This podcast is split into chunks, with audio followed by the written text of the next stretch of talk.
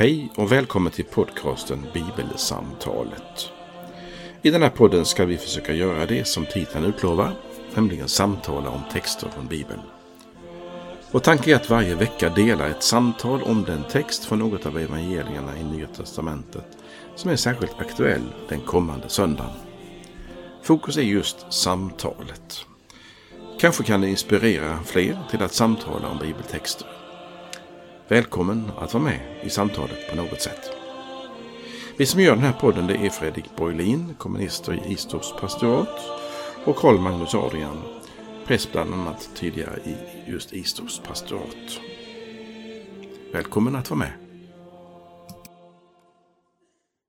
Så, då ska vi idag stanna till inför en text i från Lukas evangeliet och eh, eftersom det är, vi tar sikte mot tredje söndagen i advent och som då har överskriften Bana väg för Herren. Och jag ska läsa ifrån Lukas evangeliets tredje kapitel, verserna 1 till och med 15. Under femtonde året av kejsar Tiberius regering. När Pontius Pilatus var ståthållare i Judeen, Herodes tetrark i Galileen, hans bror Filippos i Ituren och Trachonitis och Lysanias i Abilene och när Hannas och Kajafas var överstepräster kom Guds ord till Sakarias son Johannes i öknen. Han begav sig till trakten kring Jordan och förkunnade överallt syndernas förlåtelse genom omvändelse och dop, som det står skrivet i boken med profeten Jesajas ord. En röst ropar i öknen. Bana väg för Herren. Gör hans stigar raka. Varje klyfta ska fyllas, varje berg och höjd ska sänkas. Krokiga stigar ska rätas och steniga vägar jämnas. Och alla människor ska se Guds frälsning. När folk kom ut i stora skaror för att döpas av honom sade han till dem Huggormsyngel. Vem har sagt er att ni kan slippa undan den kommande vreden? Bär då sådan frukt som hör till omvändelsen. Och börja inte säga er, vi har Abraham till fader. Jag säger er att Gud kan uppväcka barn åt Abraham ur dessa stenar. Redan är yxan satt till roten på träden. Varje träd som inte bär god frukt ska huggas bort och kastas i elden. Folket frågade honom, vad ska vi då göra? Han svarade, den som har två skjortor ska dela med sig åt den som ingen har och den som har bröd ska göra på samma sätt. Även tullindrivare kom dit för att bli döpta och frågade honom Mästare, vad ska vi göra? Han svarade Driv inte in mer än vad som är fastställt. Och när det kom soldater och frågade honom Och vi? Vad ska vi göra? sade han till dem Pressa inte av någon pengar med våld eller hot utan nöj er med er såld. Folket var fyllt av förväntan och alla frågade sig om inte Johannes kunde vara Messias. Så lyder det heliga evangeliet. Lovad vare du Kristus. Kristus. Ja, jag vill börja med att eh, haka i eh, vad vi har pysslat med i tidigare avsnitt. Ehm, bara peka på två rörelser. Vi tar sikte på tredje söndagen i advent nu. Och om man tänker på de här avsnitten som, som vi har spelat in så har vi rört oss från Matteus evangelium till Markus evangelium till Lukas evangelium. Och om vi tänker på texterna som vi har jobbat med så var vi först i Jesus sista vecka. Han rider in i Jerusalem och sen backades tillbaka i tiden till Jesu första vecka. Och sen backar vi tillbaka för i dagens text så handlar det om tiden innan Jesus döpt och började sin verksamhet. Så nu backas det ännu lite mer tillbaka i tiden. Så att det, det är en motsatt rörelse. Vi närmar oss Jesu födelse, men adventstidens texter hjälper oss att färdas åt andra hållet. Så att säga. Och så vill jag haka i en sak innan jag fråga dig Carl Magnus vad du fastnar i. Eh, och det är detta som, som du tog upp förra avsnittet. För då sa du så här att eh, eller rättare sagt, vi kopplade, du kopplade kristen tro till den är sann och den äger rum i tiden. Och vi, fick också, vi pratar också då om att tiden är inne. Och det är ju också någonting som Lukas tar fasta på här. Han är ju våldsamt duktig på och noggrann med att koppla det som händer här till en väldig massa angivelser i tiden. Det handlar om 15 året av kejsar Tiberius regering. Pontus Pilatus var på ett ställe. Herodes var på ett ställe. Hans bror var där och ja, de inledande verserna. Och lite typiskt för Lukas om vi tänker på att det finns olika evangelister med lite olika intressen och lite olika stil. Så är detta typiskt Lukas. Han förankrar detta i den världsliga tiden. Tiden som är inne. Nu vill jag höra vad du tänker på. Vad fastnar du för, Carl Magnus, i detta? Eh, det sista du sa handlar ju om ingressen till texten, nämligen om Hannas och Kaifas och Tiberius och allt vad de heter. Um, och det är ju... Det tycker jag är väldigt uh, roligt att få tänka så här att läs Bibeln och stäng av hjärnan. Mm. Läs Bibeln och blunda. Nej, absolut inte. Utan alla sinnen får vara med. Mm. Och eh, som både Paulus och Lukas säger, undersök, kolla själv ha? hur det var. Och när Paulus talar om, om Jesu uppståndelse så berättar han att det finns 500 minst som har sett honom levande. Det betyder ju ring någon av dem och fråga. Jag menar det är ja. det han antyder om. Absolut. Det vill säga det är väldigt djärvt att säga att det finns en angivelse i tiden. Mm. Och det är bra tycker jag att uh, vi har det med oss. Mm. Um, sen, jag går inte igång på det just nu. Nej, det men, jag, men, men jag tycker det är en, det är en bra så, en viktig sak. Ja. Och, det, och, det, är kul. Så. Um, jag tänker snarare på det som jag tycker är tema här mellan det citatet, alltså bana väg för Herren och salmen i psalmboken som vi sjunger, bered en väg för Herren. Just det. Det temat skulle jag börja med, men jag vet inte. Eftersom du satte igång det hela. Eh, är det för snabbt att gå in på det? Inte alls. Inte alls. Nej. Då tänkte jag berätta om en upplevelse som min kära hustru och jag hade vintern 1978. ehm, då var du inte född. Jag skulle precis säga, jag, jag var alltså inte med. Nej, nej. Eh, vi hade varit... Eh, mina föräldrar bodde då i södra Skåne. De var inte där. Eh, det, eh, vår bil stod där. Och vi hade haft deras bil och skulle byta bil så att säga nere i Skåne. Det var vintern. Och vi lyckades ta oss dit i ett snöoväder på kvällen. Och lyckades med på knapp nöd komma in i trädgården och sätta vår bil där. Och nästa morgon skulle vi åka vidare hem med vår egen bil. Där satt vi i tre dygn. Kom inte ut utanför dörren. Eh, eftersom vi hade ström så var det inte så synd om oss. Och värme också. Sen när det började klarna och vi skulle liksom, det slutat snöa och de skulle göra färdigt för att kunna använda vägarna. Mm. Så kom det en sån här dumpers, en sån här grävare med en jätteskopa där framme. Mm. Och höll på i timmarvis för att få bort. På Skåne, I Skåne är det ju jättedrivor som bildas. Mm. Så det var ju liksom inte en två decimeter snö, utan det var fem meter driva. Och så ja. var det ingenting. Nice. Ja. Eh, det, den bilden är stark i min hjärna, i mitt huvud. För att vad hände innan till slut, ska vi säga saltbilen kom? Jo, det var så mycket arbete för att skyffla bort den här snön. Mm. Och tänk då, nu förstår ni snart vad jag vill komma fram till. Om någon, kan säga dåre, hade med helikopter hällt sand, eh, salt menar jag, på de här drivarna. Det hade inte hänt någonting på fyra dagar. Därför måste det till först en plogbil. Och, kära vänner, där är Johannes döparen.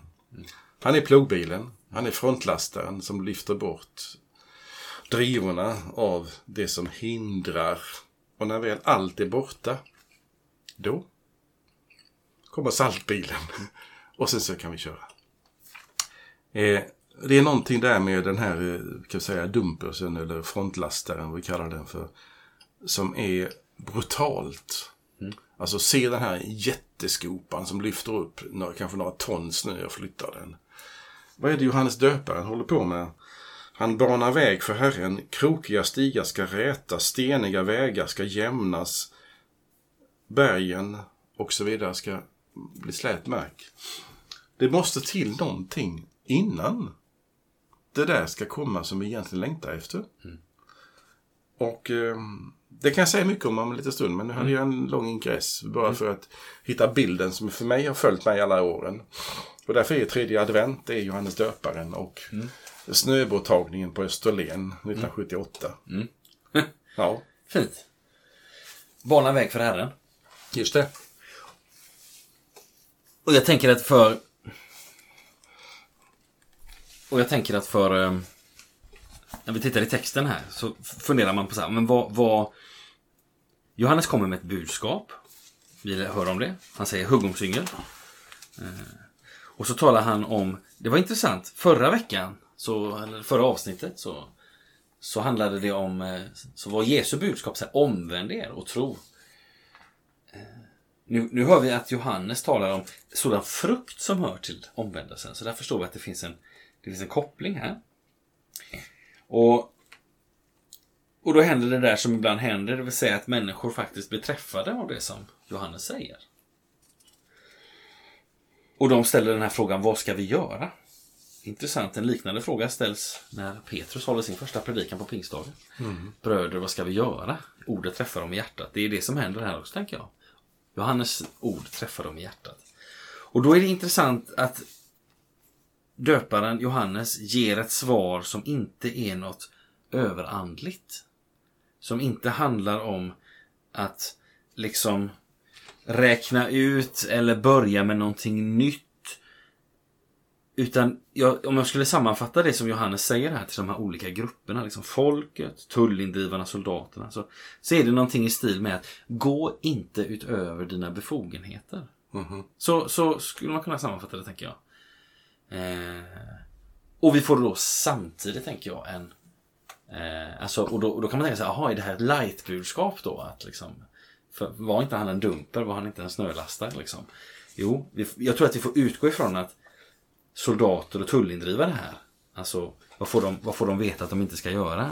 Tullindrivarna ska inte driva in mer än det som är fastställt, det som Sackeus hade gjort.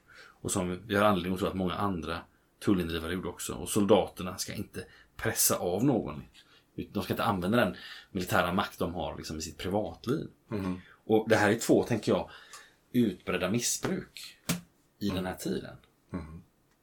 Eh, Så att, jag tänker på samma gång i det här, det här budskapet, det, är, det som Johannes säger, det är otroligt radikalt för han, han pekar ut någonting som är otroligt vanligt i samtiden. Tullindrivare som missbrukar sin ställning och eh, soldater som missbrukar sin ställning. Eh, och det går han emot liksom. Men det är samtidigt inte någonting överförhandligat. Vad skulle motsvarigheten kunna vara hos oss? Oh, vilken bra fråga. Men om detta är, alltså jag ska bara, det du själv har sagt. Det är konkreta saker. Mm. Det är inte överandligt och det betyder vanlig svenska, det här fattar alla. Mm. Och kanske skulle alla också hålla med om att det är inte så dumt det här. Nej. Eller hur? Nej. Då måste det finnas ganska många liksom, tillämpningar Mm. på det som håller på. En bild som jag får upp, men som inte är riktigt dagsaktuell. Men, men eh, för ett antal år sedan, låt säga för tio år sedan, eh, så var det ju ropet mycket med fildelning och upphovsrätt. Idag så har ju vi människor, eller många tror jag har liksom, man har någon tjänst man betalar för, då kan man se på oändligt mycket filmer och tv-serier. och Så. Men det fanns ju en tid när sådana här tjänster inte fanns och då var det många som gick eh, till internet och så laddade man ner från piratsida liksom saker och ting. Och man kunde avnjuta alla möjliga saker utan att betala för dem. Och, och det, var, det här var ju otroligt utbrett. Eh, och jag kan säga att jag själv var upp mig skyldig till det också i den tiden. Men eh, kanske, det var väldigt utbrett. Och det var också så här, ja, det var ju inte på något sätt lagligt, men det var ju ändå någonting som människor med en viss men mycket liten teknisk kunskap ändå kunde göra. Och, och, och chansen att man skulle bli liksom eh, få svara för detta i, i domstol var ju minimal. Och det tänker jag att så var det med tullindrivarna och soldaterna här också. Eh, att det sågs nog mer eller mindre mellan fingrarna. Skulle man gå på alla soldater i Jesu tid, som, eller i Johannes tid, som, som utnyttjade sin ställning? Eller skulle man gå på alla tullindrivare? Ja, det var nästan som att systemet var gjort för att de skulle kunna utnyttja sin samtid.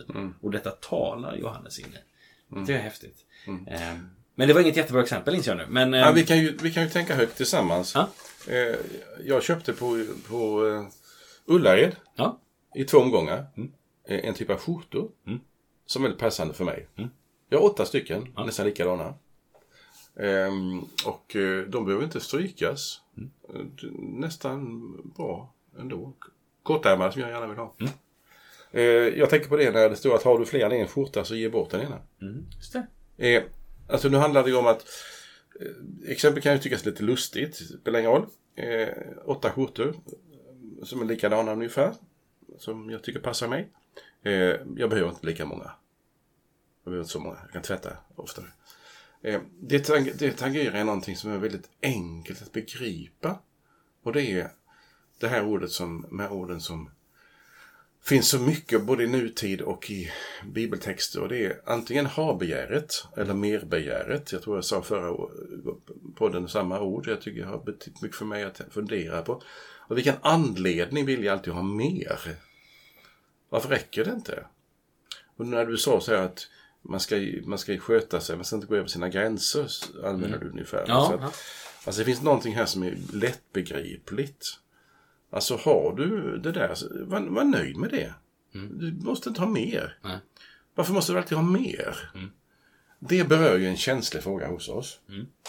Eh, och det, samtidigt är det ju enormt värdefullt. Tänk om man har en granngemenskap, om man nu bor på det sättet, eller i lägenhet gemensamt. Alltså du behöver inte ha mer än du, du, du är nöjd med detta. Blir du lyckligare om du får ytterligare? Svar nej. Varför har du det då? Det är motivet. Då upptäcker man ju någonting som är skumt där och så. Eh, och det roliga tycker jag när man gör det här enkelt, som jag försöker göra det för mig själv nu, som ni märker. Det är att det Johannes angriper eller tar vid eller tar upp. Det är någonting som du sa så bara nyss, att det är någonting som inte är andligt, det vill säga det är lättbegripligt. Och det är någonting som, som är självklart och som man kan bejaka. Och som är nödvändigt. Annars så kan man inte se fortsättningen.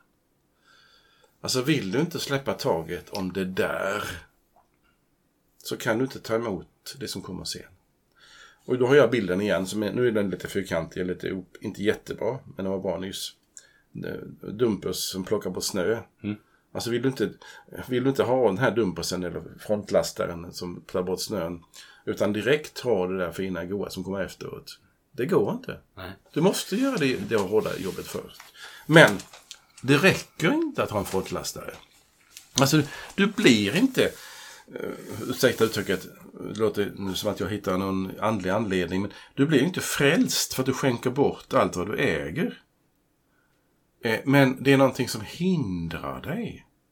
Eller som måste bort.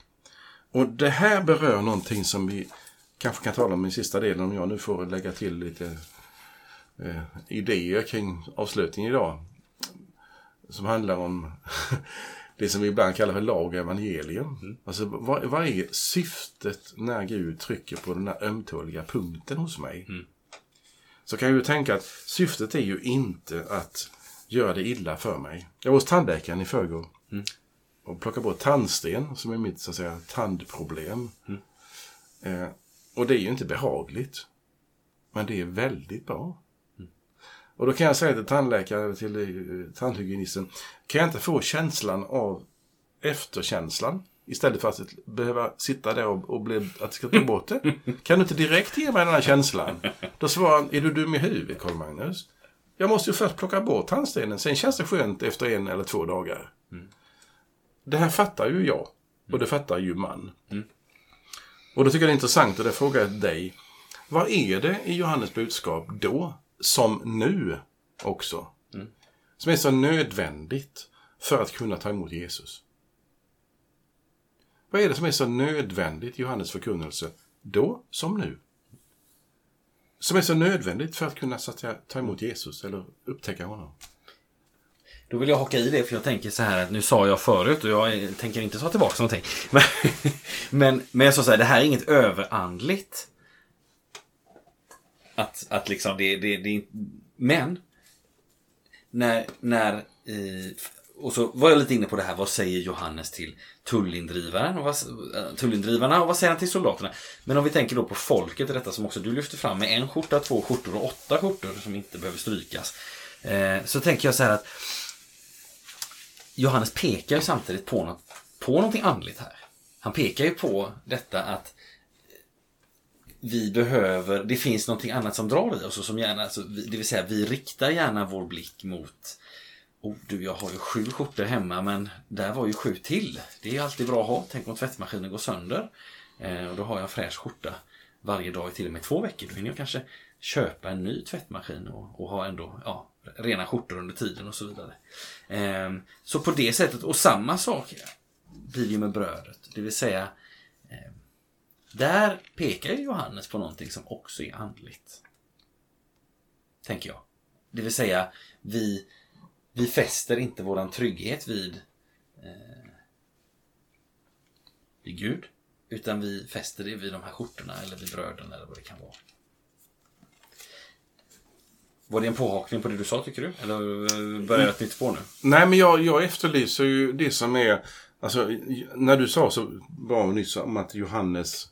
Vi förstår ju hur eh, liksom hur spetsigt det var på, på hans tid att säga mm. det han mm. sa. Mm. Eh, så tycker jag att det är ju bra att vi får veta det och mm. få tydliggöra det. Och så är frågan den tillämpningen som det handlar om. För att ordet omvändelse var vi klara med även förra gången vi pratades mm, vid. Absolut. Att det är ett nyckelord i Nya mm. Testamentet med omvändelse. Alltså att lämna någonting, vända från någonting och till någonting annat. Alltså vända bort ifrån det och till det andra. Då är det vad är det där som jag ska vända mig bort från? Som är så viktigt att göra. Eh, och då måste vi ju först säga någonting som kanske låter som att man tar bort, tar bort själva poängen. Att det där att vända sig bort från någonting, mm. det är inte lösningen. Nej. Men det är nödvändigt. Alltså jag, jag blir ju inte en bättre kristen eller en sann kristen eller en god människa för att jag slutar upp med det ena. Jag måste hitta någonting annat istället. Och det har vi lärt oss av Paulus att man blir dels fri, man blir fri från någonting. Mm. Men sen ska man bli fri till någonting. Alltså man ska vända sig från någonting och till någonting. Ehm, och, och det, det, är det som är ju en poäng i många delar av livet. Att det är någonting jag måste släppa för att upptäcka någonting annat. Och när jag inte vill släppa det där som jag är så otroligt mån om så kan jag heller inte upptäcka och djupast sett, eh, jag, jag, jag, tror att det här är en del av det glada budskapet som mm. du sa förra gången. Mm. Eh, det vill säga att det är någonting när jag, det jag släpper, alltså från någonting. Det som Johannes döparen pekar Det är i sig någonting väldigt bra. Mm. Jag har en bild som jag fått från en bok som jag läste på 70-talet någon gång. Om en, ett barn som, tapp, som har, en, de har hemma en, en, en, en sån här kinesisk kruka som står på golvet. Mm.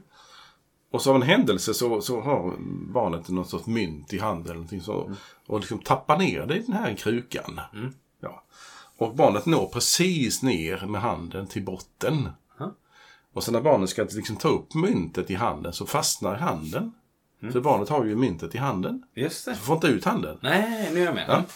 Ja. Eh, och då kommer någon djuping av någon förälder kanske och säger att ja men Ska vi hälla vatten så det blir lite lättare att glida igenom där? Du fick ju ner handen och barnet blir bara ledsen för detta. Ja, ja. Och till slut så säger då den kloka föräldern att om du sträcker ut din hand ordentligt så den blir smal så kan du dra upp den. Och då säger barnet, jo då tappar jag myntet. Och då säger föräldern, du vi kan vända den upp och ner sen så, så det ramlar ut. Då är grejen, varför är jag så rädd att släppa myntet? Mm. Varför är jag så rädd att släppa någonting? Vad är det där för någonting? Om jag nu jag tar min bild med skjortorna, för den är, den är dum tycker jag i det här sammanhanget, men den är väl övertydlig. Om jag nu liksom, om det nu är ett hinder för mig med alla mina skjortor eller alla, alla dina pengar eller alla någon annans ägodelar eller vad det handlar om.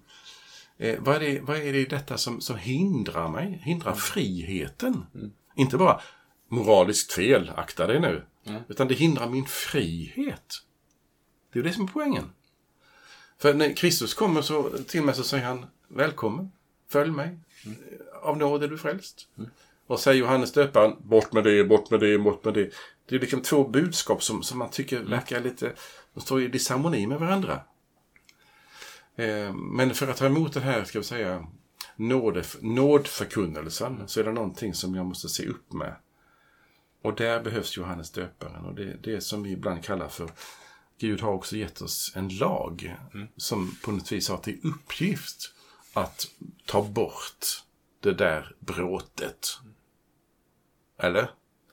Jag tänker på, eh, jag tänker på en, en bild som Jesus använder i något av evangelierna. Och då, då handlar det om en, en eh, eh, det är en ond ande som han har drivit ut och så eh, har Jesus en utläggning om att eh, eh,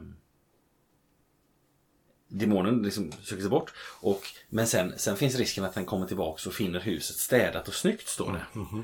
Och, och, det tänker jag att, jag, på något sätt så hakar jag i den bilden för att jag tror att poängen som Jesus vill, vill säga där, och det har ju inte så mycket med dagens text att göra mer än att gjorde jag den kopplingen.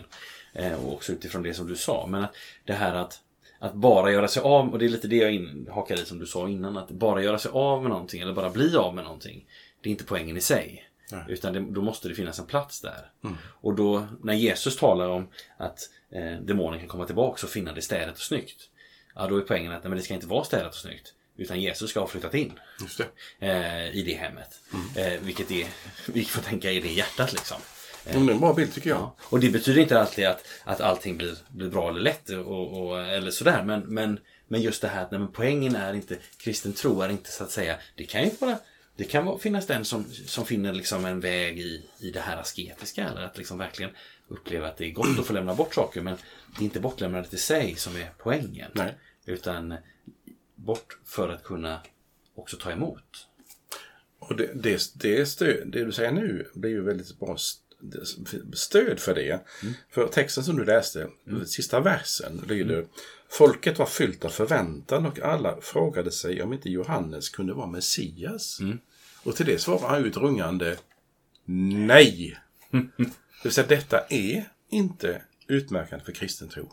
Nej. Men, och det där menet är intressant. Det är någonting som, som föregår. Alltså befrielsen i Kristus föregås av någonting. Mm. Jag tycker fortfarande det, eh, det finns bilder som kanske du, Fredrik, eller någon som lyssnar har det klara för sig än vad jag har. Alltså det är någonting som där man tänker att kristen tro är på följande sätt. Eh, det finns ibland i nutida samtal en distinktion när man säger så här att, att kyrkans misstag är att eh, det moraliska blir själva poängen. Eh, nu kan man missförstå detta som man kan göra med allt naturligtvis. Mm. Men ta ett bra exempel. Klimatproblemet är viktigt att fundera på. Mm. Och att agera klokt är mycket viktigt och göra det radikalt om man nu kan göra det. Det tycker jag är bra. Mm. Så det är inte det jag eh, liksom vänder mig emot. Eh, är det utmärkande för kristen tro? Nej, men det är ett exempel på ett sätt att leva som människa. Eh, det är inte det Jesus har kommit och proklamerat. Utan det är, det är något, en uppgörelse med det onda på ett djupare sätt än detta. Men det kan vara en del av Johannes döparens förkunnelse. Att sluta upp med det här onödiga. Mm. Håll, håll inte på med det. Det vill säga, lägg av med det där dumma och felaktiga och så. Eh, och då, kommer ju, då vaknar ju någonting upp ibland hos oss. Där man reser sig upp i stolen och sitter rakryggad och tänker Ja, det var inte så illa gjort Karl-Magnus det här. Det var riktigt bra att du övervann det här problemet. Mm. eh, och så får man liksom en fjäder i hatten. Mm. Och då ska man inte förakta att man har gjort någonting bra. Det vill säga sålt en skjorta, gett bort en skjorta eller inte tagit så mycket betalt. För det är bra att inte göra det. Men grejen är att det är någonting som, är, som kommer. Och det, du citerade Sackaios nyss. Som när, när Jesus är hos, hem, hos honom, innan Jesus har sagt ett ord, så säger Sackaios Jag vill ge bort av det som jag felaktigt har tagit. Och då säger Jesus Nu har frälsningen kommit till detta hus. Alltså han är där och då händer någonting med Sackaios. Och det är kanske det som handlar om, på ett annat språkbruk som jag ibland använder, kärlekens gärningar. Vad är de? Jo, det är att göra gott. Mm. Och då betyder det att frälsningen har nått Sackaios hus om jag förstår dig rätt. Utifrån att så att säga någonting händer med Sackaios. Han, han, han uttalar vad han ska göra eller han uttalar något, att han vill någonting nytt. Men Jesus är också där. Hade Jesus inte varit där, Utan det bara var, jag ska skaffa lite bättre vanor. Nej, men då hade inte frälsningen nått detta hus. Nej, absolut. Och, och poängen är ju att Jesus kommer ju hem till honom direkt. Vi vet från den berättelsen med Sackaios ingenting om vad som skedde mellan trädet och hemma på festen. Nej, just det. Men Jesus kommer dit och problemet för de andra är att Jesus gästar honom. Och därför kan man säga, det vi pratade om förra gången också, att nu har Gud kommit nära. Och när Gud kommer nära så händer någonting. Och det tror jag är en poäng när vi talar om lag och evangelium. Att när Guds lag får, får, får ska säga, banka hårt på mitt hårda hjärta.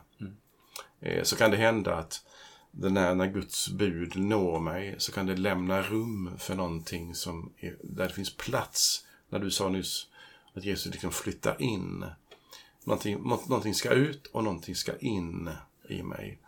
Och då upptäcker jag att det är inte bara det att ta bort som är poängen. För jag menar, det är alltid någonting som ska till. Ta, ta en rabatt. Nu är det ju, ja, det är ju inte, jag vet inte vilken årstid det är när vi, du lyssnar på detta, men tänk dig en rabatt som du lukar bort allt ogräs och så. Eh, Så är poängen att den ska inte, den ska inte ligga där lukad, utan den ska vara planterad. Alltså, ta bort ogräset och plantera sen. Men ta bort ogräset först. Och vem- tänk inte att nu har jag tagit bort ogräset, så nu ska jag njuta ett år av detta. Nej, nej, nej, nu ska du plantera. Nu kommer det gotta, goda. Gör- Sätt, sätt plantorna i, i jorden och så växer det av sig självt, tycks det vara. Och då tänker jag det här med apropå lämna och sådär och kopplat till också din bild med den här snö, dumper, alltså snögrejen. Att det är en ganska, det är en ganska Alltså din, din bild av det här arbetet som är ganska, och det är också Johannes döparens person. Han säger inte hör ni lyssna på mig utan han säger huggormsyngel.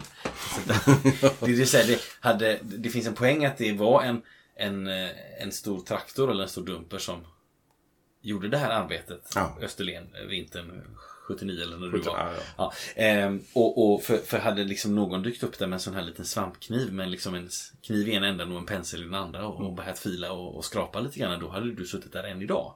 Alltså att det finns en, och, men då måste man på samma gång, man kan inte bara frejdigt säga att ja, nu är det friska tag och nu åker jag ut med det gamla. Liksom. Utan det är också smärt, kan också vara smärtsamt. Eh, Och det, där, Absolut. och det där plogbladet kan ju träffa både... Tänk om den plogaren... För det tänker jag så här. Tänk då om den här människan som kom körande med den här stora snöklumpen. Eh, det är en avgörande skillnad om det är 3, 4, 5 meter höga drivor. Det är en avgörande skillnad om den personen kände till dina föräldrars trädgård, uppfart. Eh, här kanske finns stenar som man kan köra in i. Här kanske finns en, nu hittar jag på något, fontän eh, med, någon liten eh, figur. Den kanske ryker all världens väg. Eh, och, då, och då är det så här, att- och, och där är vi ju människor väldigt begränsade, men där har Gud full kunskap. Liksom, för att det- detta ska ju också, det här ska ju inte på något sätt ske genom någon människas styrka. Utan genom, utan genom att Gud är verksam i detta. Och han känner ju oss bättre än vad vi kan känna vår egen översnöade garageuppfart. Och eventuellt köra in i saker. Eh, ja, det är fint. Sen skulle jag vilja Sen skulle jag vilja prata lite om begreppet väg. Eller stig. Jag tycker det är fint. Ehm, detta med att göra hans, alltså det är ju överskriften som vi siktar på, bana väg för Herren. Eh, men också det som vi läser i de här, eh, alltså som vi läser eh, jag, jag, jag läser de här verserna. En röst ropar i öknen, bana väg för Herren, gör hans stigar raka. Varje klyfta ska fyllas, varje berg och höjd ska sänkas, krokiga stigar ska rätas och steniga vägar jämnas. Och alla människor ska se Guds frälsning. Jag tänker det är också det här med att vad är det som vad är det som uttalas här? Jo, gör hans stigar raka. Det vill säga inte Ja, dels då inte göra dem krokiga. Det finns ju också en frestelse ibland att vi vill göra och vi vill göra saker och ting krokiga. Alltså vägen ska vara rak. Det är ett enkelt budskap. Kristen tro. Eh, någon blir till och med anklagad för det. Det är väl Paulus som anklagar någon tror jag i Apostlagärningarna. Eh, varför gör du Herrens raka vägar krokiga? Eh, men så vill jag också, vill också bara lyfta upp följande. Att det handlar om en rak väg. Men den kan också vara smal. Säger Jesus i Matteus 7. Och det är inte nödvändigtvis en lätt väg. Men den är rak. Och det, det, det jag tycker det är intressant att fundera över. Du behöver inte gå igång på detta, men Ja, men det är kul. Ja. det vill säga, vägen är rak. Och då, då genast tror jag vi, eller i alla fall jag, tänker att ja, men den, okay, den är rak. Den är, det måste betyda att det är lätt. Jag kan till och med släppa ratten. Jag kan sitta och, och, och, och i bilen och köra på den raka vägen och så kan jag lösa en sån här Rubiks kub samtidigt. Eventuellt kan jag styra lite med ena knät. nej, nej det, det, det är inte poängen med den raka vägen. Eh, den kan vara smal. Inte nödvändigtvis är den lätt. Men du, du, du, du kopplade i förra avsnittet till Saltaren 1. Eh, Och i Saltaren 1 så står det också så här, den sista versen, nummer 6.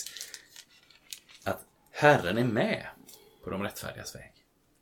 Alltså, eh, det är det löftet vi har. Inte en lätt väg, inte en bred väg. Men en rak väg där Herren är med. Ja. Eh, Jag ska inte göra någon historia av skillnaden på smal väg och, och lätt väg. Mm. Eh, Men i Bergspredikan så tänker jag på ett ord. Står det så här. Gå in genom den trånga porten. Ty den port är vid och den väg är bred som leder till fördärvet.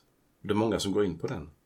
Men den port är trång och den väg är smal som leder till livet. Och det är få som finner den. Alltså problemet är att hitta Eh, snarare än att det är så mycket eller så lite problem. Att hitta vägen eh, är liksom, tycks vara en... Liksom, att hitta Jesus kan man säga. Och, och det som, som vår text idag handlar om det är ju att folk trodde att Johannes döparen var Messias. Alltså man kan tänka att den moraliska upprustningen, det är poängen. Nej, det är det inte. Nej. Men det behövs. Därför att i allt det där så antingen hittar du inte vägen därför att det, du har, det är de och de problemen eller de och de problemen. Eh, men det är någonting som, som måste till. Och när du citerade nyss det citatet från Jesaja som finns i vår text idag. Så står det ju så här att eh, eh, klyftorna ska fyllas och bergen ska sänkas. Eh, Stigarna ska rätas och steniga jämnas. För frälsningens skull.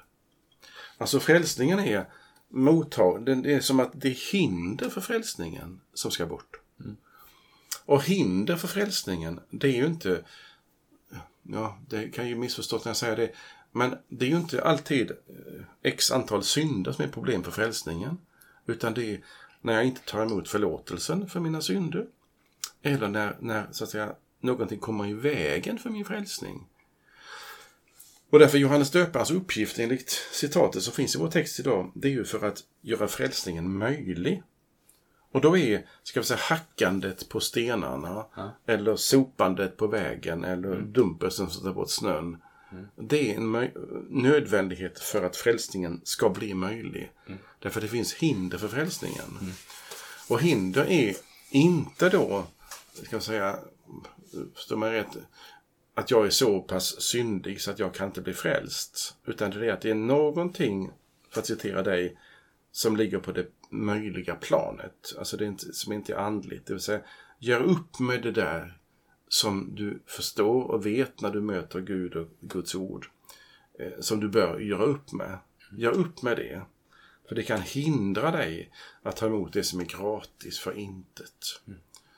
Eh, och eftersom frälsningen är gratis, alldeles gratis, så är ju problemet att man tänker att om det nu är så många hinder hos mig eller där och där så måste det vara väldigt komplicerat att bli en kristen. Och då är mitt svar, inte alls.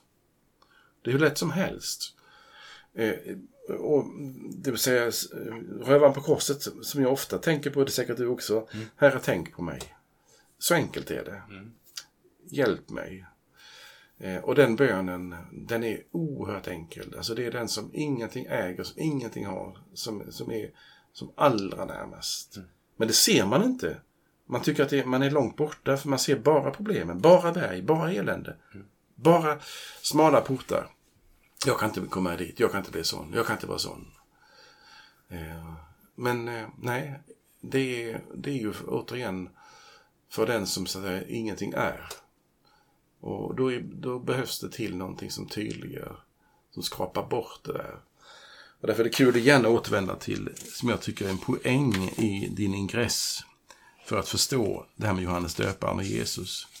Och det, det är någonting som jag ska göra för att kunna ta emot det jag inte ska göra. Det är någonting jag ska göra för att kunna ta emot det jag inte ska göra. Det vill säga gratis för intet. Och det där som jag ska göra, det, det ligger på det planet, återigen, som, som du sa inledningsvis, som är enkelt. Som inte är komplicerat. Så du kan prata med vem som helst på ICA i Horred eller på Konsum i Frillesås. Det spelar ingen roll vad vi är. Alltså det är någonting man kan förstå. Och när man appellerar till moralen och, till samvetet så har man väldigt många vänner. Mm. Ju, som förstår det här. Och då kanske många som inte har upptäckt evangeliet tänker att ja, det där är kristendom. Och så kommer frågan, ja, är ni kristna bättre än, än vi andra då? Det vill säga, då har man tänkt att Johannes döparens budskap, det är poängen. Och nu borde man eh, ge bort en skjorta så är man riktigt kristen. Nej, det är inte det det handlar om. Men det är någonting som, som ligger för dig. Och då behöver man påminna om att folket var fyllt av förväntan och alla frågade sig om Johannes. Om inte Johannes kunde vara Messias. Ja. Jag är inte han. Precis, det säger han ju också. Ja. Ja. Men han kan ändå, och det tycker jag, det, det, han kan ändå tala om sig själv som, nej men brudgummen, det är Jesus, men jag är brudgummens vän. Mm. Alltså det vill säga, det, vi har, äv, även om han är någon radikalt annorlunda, så hänger vi ändå ihop. Jag tror det var i förra avsnittet så pratade vi om det här med förband och mm. huv, huvudakten på en konsert. Om man säger det. Men, men, men också det här. Nej, men han är, jag är inte Messias. Han säger det rakt ut. Mm. Eh, har du tänkt någon avslutning? Eller ska jag, får jag ta lite om brudgummen och brudgummens vän? Gärna. Det är ja. på Johannes söndag så det passar ja. mig.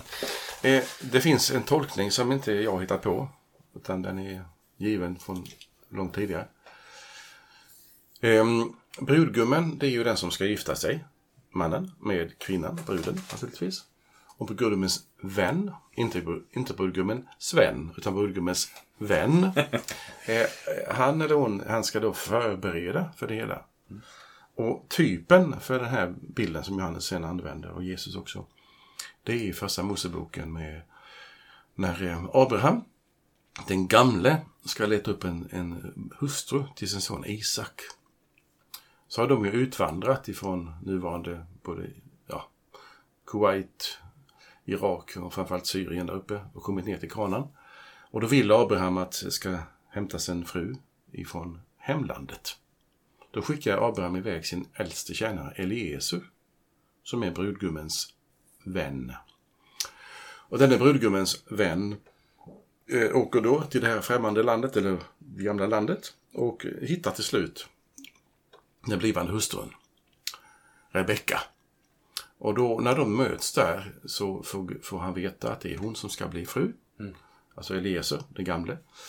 Eh, och hemma hos hennes familj med pappa och bröder så överlämnar han massa presenter, denne Eliezer, till Rebecka. Och det är så att säga förlovningspresenter. Och om hon tar emot de här presenterna eh, så har hon därmed bekräftat att hon ingår förbund. Det var en del av äktenskapsförbundet i Gamla Testamentet. Alltså den som tog emot eh, eh trolovningsgåvan, det var som en ring. Och därför är trolovningen hemma hos eh, Rebecka och pappa och bröderna. Det är liksom att den gamla Eliezer, som är brudgummens vän, överlämnar en gåva. Och så har eh, Rebecka på sig ringarna, både där och i näsan och öronen, står det. Och sen följer hon med den gamle Eliezer och träffar Isak.